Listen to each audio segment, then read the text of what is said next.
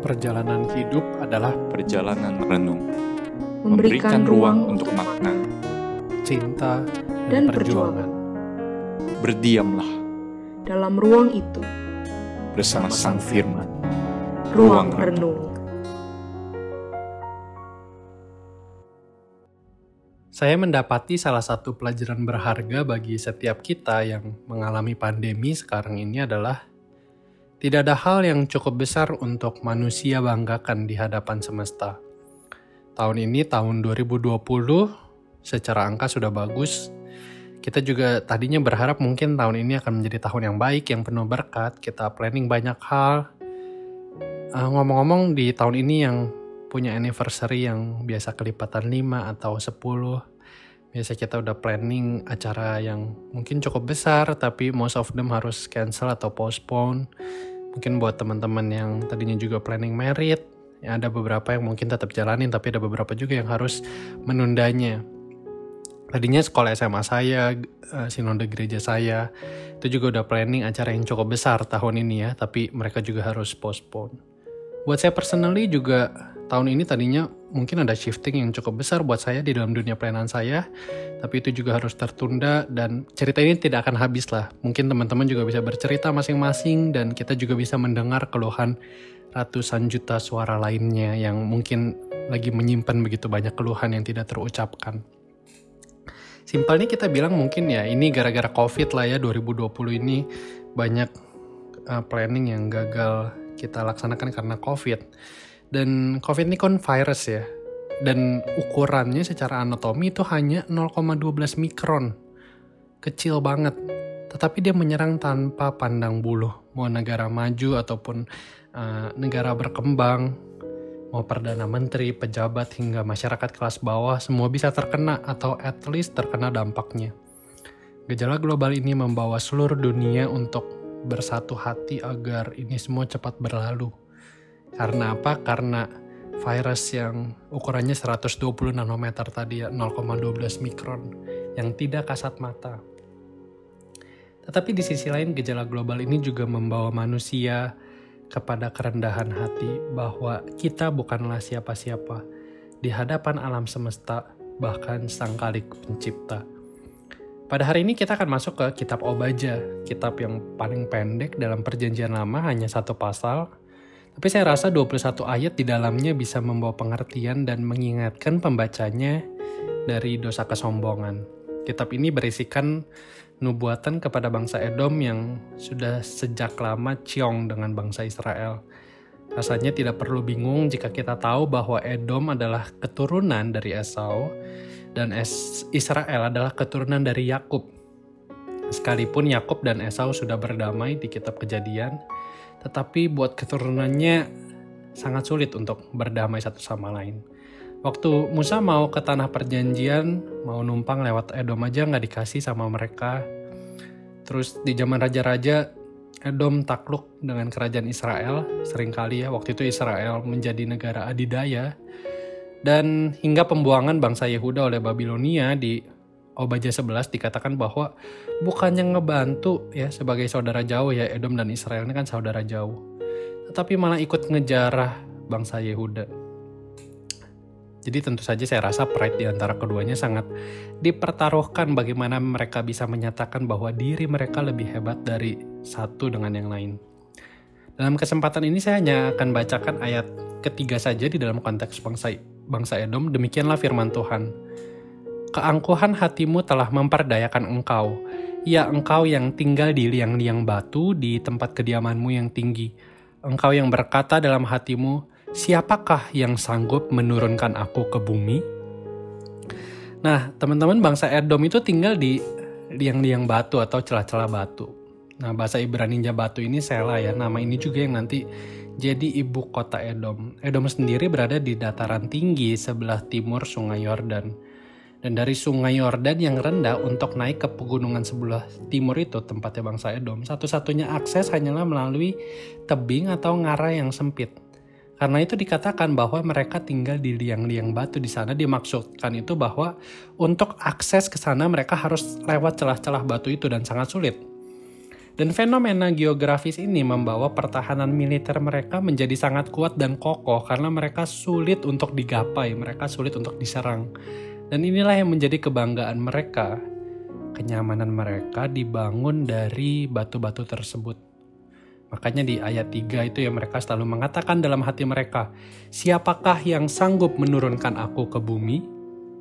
mereka relatif aman dari serangan darat militer karena mereka menguasai dataran tinggi dan dengan mudah mereka juga dilindungi oleh tentara mereka sendiri.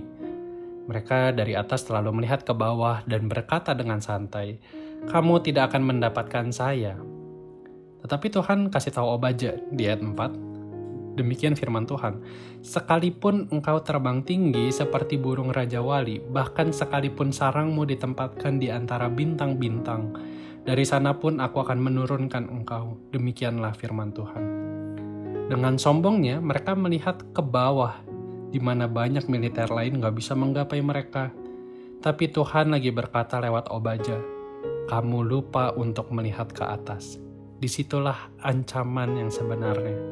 Saya tidak datang dari tanah. Aku adalah Tuhan yang maha tinggi dan ancaman yang sebenarnya adalah dariku.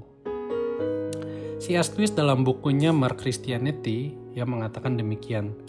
A proud man is always looking down on things and people. And, of course, as long as you are looking down, you cannot see something that is above you. Saat kita menganggap diri kita something, maka Allah tidak lagi menjadi everything. Dan inilah kesombongan. Uh, saya rasa sombong itu masalah perspektif ya perspektif when we are think ourselves something.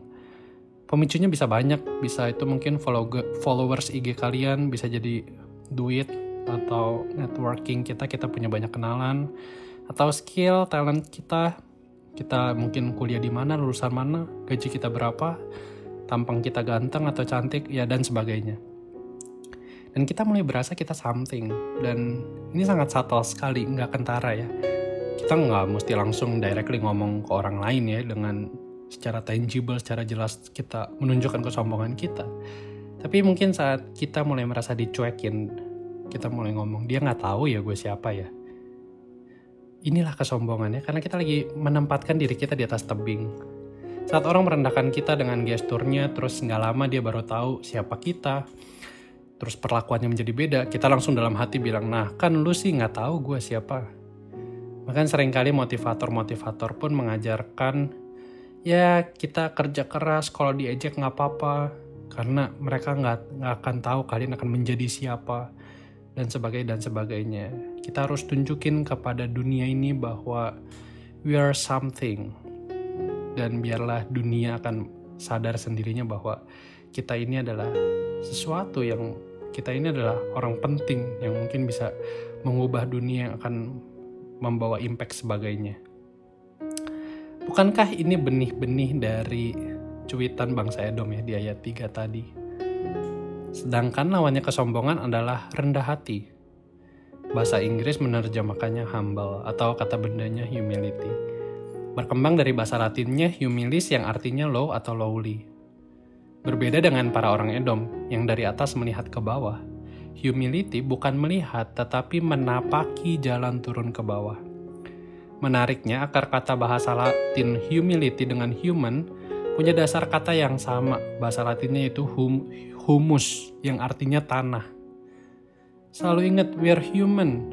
Humility akan selalu mengingatkan bahwa kita manusia, yang berarti kita adalah tanah. Nggak perlu hitungan tahun saat kita mati dan dikubur, badan kita semua akan segera terurai menjadi debu dan tanah baik setiap kita yang bekerja di perusahaan multinasional, kerja di prestigious startup company, atau kita yang pengangguran, bahkan yang gak ada harapan, kita yang miskin, kita semua sama. Yakobus mengatakan bahwa hidup kita seperti uap. Dan pengkhotbah mengatakan hidup kita ini adalah kesia-siaan. Vanity in vanities, all is vanity.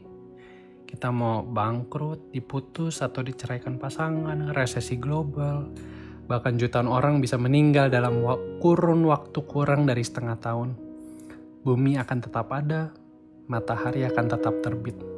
Inilah yang pengkhotbah katakan. Waktu saya kecil, keluarga saya suka putar lagu-lagu jadul tuh. Ada, saya ingat lagunya sekitar Davis yang lama. Judulnya kalau nggak salah The End of the World. Lagunya bilang gini ya. Why does the sun go on shining? Why does the sea rush to shore? Don't they know it's the end of the world? Cause you don't love me anymore. Gua diputus cinta, dia nggak suka gua lagi. Ini udah kayak the end of the world. Tapi matahari tetap terbit, laut tetap bergerak, burung tetap berkicau. Natural aja kayak nggak terjadi apa-apa. Dan inilah manusia. Kita mulai kehilangan harapan saat kita ternyata bukan siapa-siapa. Cause we think that we're something. Budaya honor and shame adalah budaya yang dekat dengan kita ya. Gengsi dan pride akan kita pertahankan sekalipun kenyamanan kita terusik.